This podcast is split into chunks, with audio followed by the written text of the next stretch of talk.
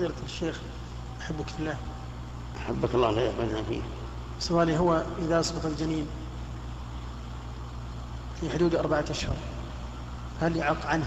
صلى عليه. آه هو قد ثبت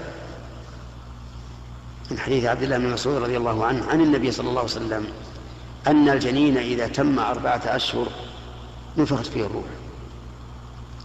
فإذا سقط بعد نفخ الروح فهو كما لو لو سقط عن عن, عن تمام. فيغسل ويكفن ويصلى عليه ويدفن في المقابر. وأما العقيقة ففيها خلاف. بعض العلماء يقول يعق عنه لأنه سوف يبعث. وبعض العلماء يقول لا يعق عنه.